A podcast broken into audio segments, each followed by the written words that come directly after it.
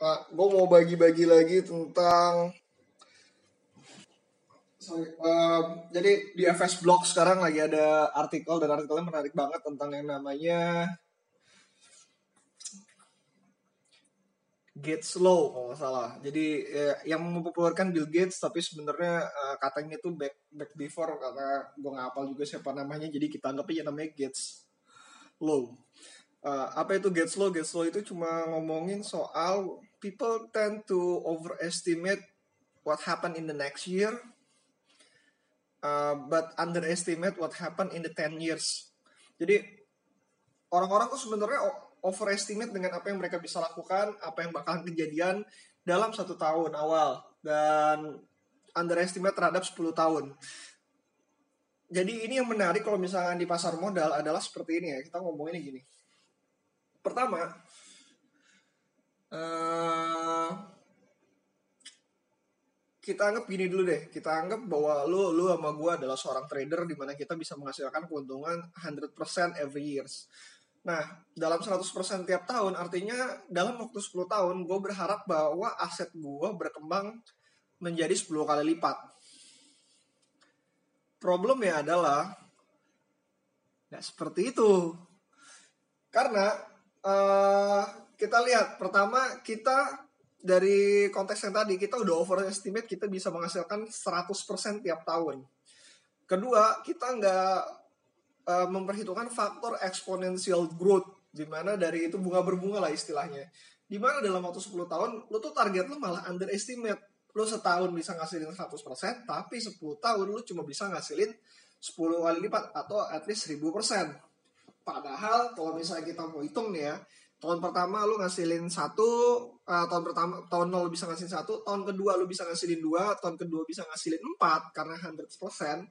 Terus berikutnya lagi 8 8 jadi 16 16 jadi 32 32 jadi 64 jadi 128 uh, itu aja kalau nggak salah. Eh, gue sorry gue nggak ngitung juga tadi. Uh, 5 atau 6 tahun itu udah lebih dari 10 kali lipat gitu bahkan pada tahun keempat pun itu udah 16 kali 16 kali nah itu yang terjadi banyak otak kita tuh sebenarnya banyak banget untuk overestimate uh, apa yang bakalan terjadi pada tahun-tahun depan. Artikelnya sangat menarik karena di dalamnya sebenarnya nggak ngomongin cuma soal uh, sebenarnya mereka nggak ngomongin investment, cuman gue gue ngelihat ini bahwa sebagai salah satu sumber uh, pembelajaran yang baik buat kita. Uh, dan gue juga sering melakukan kesalahan kayak gitu. Jadi kalau misalnya gue bilang ah ya ini bisa lah dalam waktu setahun gue bisa ngasilin 200-300 persen.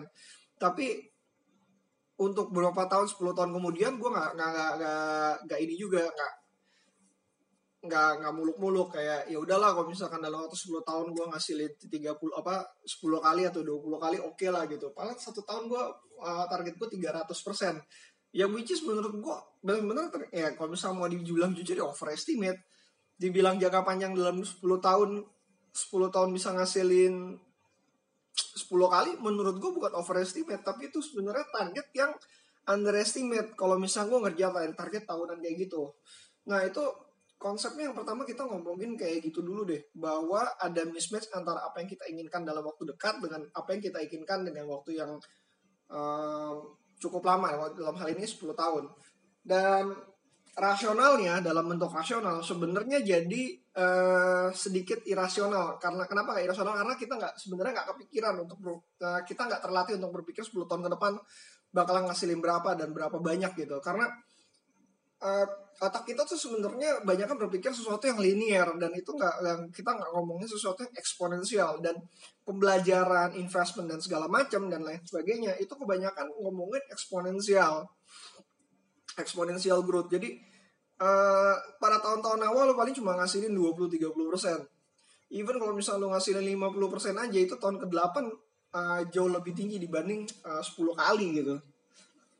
Da, di, di situ sih sebenarnya yang pengen pengen kita bahas bahwa beberapa beberapa hal dari beberapa hal dari kita kalau misalnya mikirin investasi targetnya ketinggian uh, ditambah lagi dengan kemampuannya yang nyaris nggak ada terus udah gitu mikirnya ketinggian dan akhirnya ketika kalian berpikir ketinggian dan gapnya terlalu besar ya akhirnya off lah dari uh, keluarlah dari investasi karena uh, kalian berpikir bahwa ah, ini nggak nggak cocok untuk kalian atau segala macam gitu.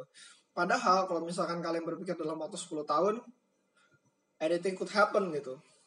Nah, pemikiran kayak gini tuh yang menariknya sebenarnya udah ada pada bukan bukan nggak hanya dipopulerin di FS Block tapi udah ada bahkan sudah diiklankan misalkan dengan Honda The Power of Dream. Uh, Honda dengan Power of Dreamnya dia ngomong bahwa pertanyaannya menarik sih. Dia ngomong bukan 10 tahun tapi 25 tahun. Terus tiba-tiba engineer berpikir anything could happen gitu. Kita bisa punya mobil terbang segala macam. Kita punya fuel efficiency yang sangat uh, besar sekali gitu. Dan menurut gue pemikiran-pemikiran bahwa 20-30 tahun ke depan bisa jadi apa itu justru jauh lebih menarik dibanding cuma sekedar kayak setahun tahun depan kayak gimana, dua tahun lagi kayak gimana, tiga tahun lagi kayak gimana. Karena itu pikiran jangka pendek rada-rada sulit untuk di uh, kuantifikasikan dan itu menurut gue sama halnya kayak investasi gitu. Setahun dua tahun lo ngomongin alat ukur, alat hitung, uh, investasi sebenarnya cuma mesin voting machine gitu. Tapi in the end apa yang kalian kerjakan hari ini dan kalian kerjakan tahun depan dan tahun depannya lagi itu akan menjadi compounding dan apa yang menjadi compounding itu akan menjadi yang apa yang kalian lakukan 10 tahun lagi. Nah, kalau kalian bisa uh, melakukan sesuatu yang benar saat ini dengan uh, dengan pendekatan yang benar, dengan uh, approach yang benar, dengan mentality yang benar juga, 10 tahun lagi kalian akan mendapatkan hasil yang sudah kalian usahakan pada tahun ini itu yang menarik sih dari dari sini. Terus berikutnya lagi apa? Sebenarnya mereka ngomongin juga soal sorry di blognya itu ngomongin juga soal teknologi. Dan gue gue gue seneng banget dengan ini ya. Um, karena gue baca di bukunya Peter Thiel buka uh, Peter Thiel ya uh, zero uh, from zero to one itu menarik dia bilang katanya setiap krisis adalah pintu gerbang untuk sebuah teknologi yang uh, sebuah industrial yang baru. 98 krisis untuk uh, sorry bukan 98 2000 tahun 2000 di mana bubble bubble crisis itu berarti uh, sebuah usaha baru untuk menggebrak bahwa teknologi itu sekarang bakalan dipakai di uh, kehidupan sehari-hari problematikanya adalah kalau kita ngomongin dalam waktu jangka setahun atau dua tahun ya jangka waktu pendek sekali itu orang-orang uh, banyak banget yang mencampurkan antara progress dengan hype. Nah hype tersebutlah yang membentuk uh, bubble. Uh, progresnya sendiri jalannya lancar uh, jalannya nyantai gitu jalannya nyantai emang progresnya emang seperti itu.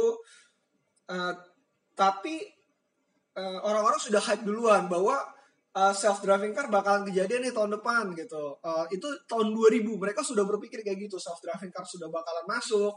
Uh, bubble.com kalau misalkan uh, apa ketika bubble.com itu adalah semua perusahaan yang harus masuk ke internet bahwa internet bisa melakukan banyak hal.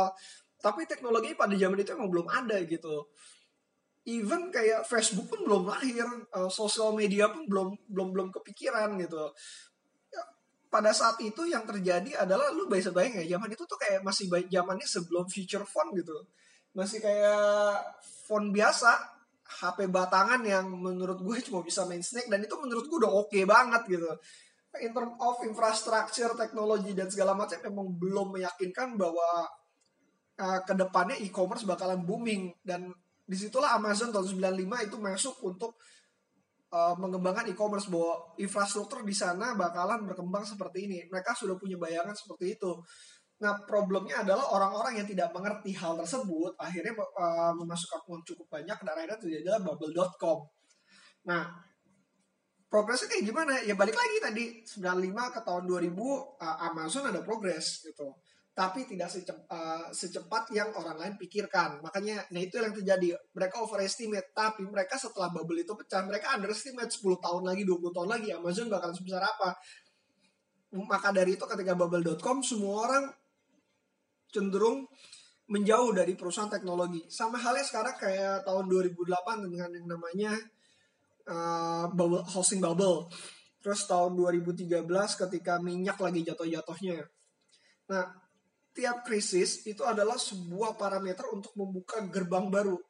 Problemnya adalah uh, lu mesti mendefine diri lu sebagai lu expertise atau lu cuma sebagai pengamat. Kalau lu cuma sebagai pengamat, dan lu bukan ekspertis di dalamnya, lu bakalan susah untuk menebak hal tersebut. Even ekspertisnya sendiri bakalan sulit. Uh, ekspertis aja udah sulit. Mereka di industrinya mereka tahu hal tersebut dan mereka uh, lebih paham tentang progresnya dibanding orang-orang yang awam kayak kita dibanding di uh, ketika masuk di industrinya. Kita mungkin bisa nebak, cuman balik lagi uh, ada kesalahan bahwa kita sebenarnya kesalahan dalam menebak itu adalah manusiawi dan karena kita bukan ekspertis di dalamnya. Tapi itu yang mesti dipahami bahwa dalam jangka panjang progress is everything gitu progress product is everything uh, dan mau nggak mau kita akan jadi bagian dari sana. Bagian yang antara kalian menggunakannya kalian dilibas atau kalian uh, jadi ekspertis di dalamnya gitu. Itu pilihan kita semua. Nah itu yang dilihat dari sisi yang kedua. Dilihat dari sisi bahwa ini. Terus yang ketiga yang paling menarik adalah progress itu banyak banget yang nggak kelihatan. Nah, kenapa nggak kelihatan? Lu bisa bayangin nggak, handphone lu yang sekarang kayak 10 tahun yang lain dulu, 10 tahun yang lalu gue pegang handphone apa ya, gue juga lupa kayaknya. Kayaknya no, uh, Samsung X810 kalau salah, handphone paling tipis pada zamannya. Dan menurut gue itu handphone udah oke okay banget dan gue seneng banget dengan handphone tersebut dan sekarang gue ngeliatin kayak handphone bisa melakukan banyak hal even sekarang gue gak butuh, gak butuh yang namanya kartu debit lagi karena gue udah melakukan transaksi semuanya via mobile. Bahkan ngambil duit aja gue menggunakan via mobile gitu. Udah nggak menggunakan kartu lagi. Uh, itu wow banget. Apakah kepikiran pada zamannya? Gue rasa buat gue sendiri gue sendiri nggak nggak pernah bakalan kepikiran bahwa anjir ya sekarang ngambil duit nggak butuh debit uh, transfer begitu mudahnya sekarang via handphone doang gitu. Gue kepikiran kayaknya zaman dulu masih SMS banking dan itu harganya masih mahal karena satu kali SMS mungkin lo mesti kena charge 500 rupiah dan itu kan uh, costly lah. Sekarang event semuanya gratis.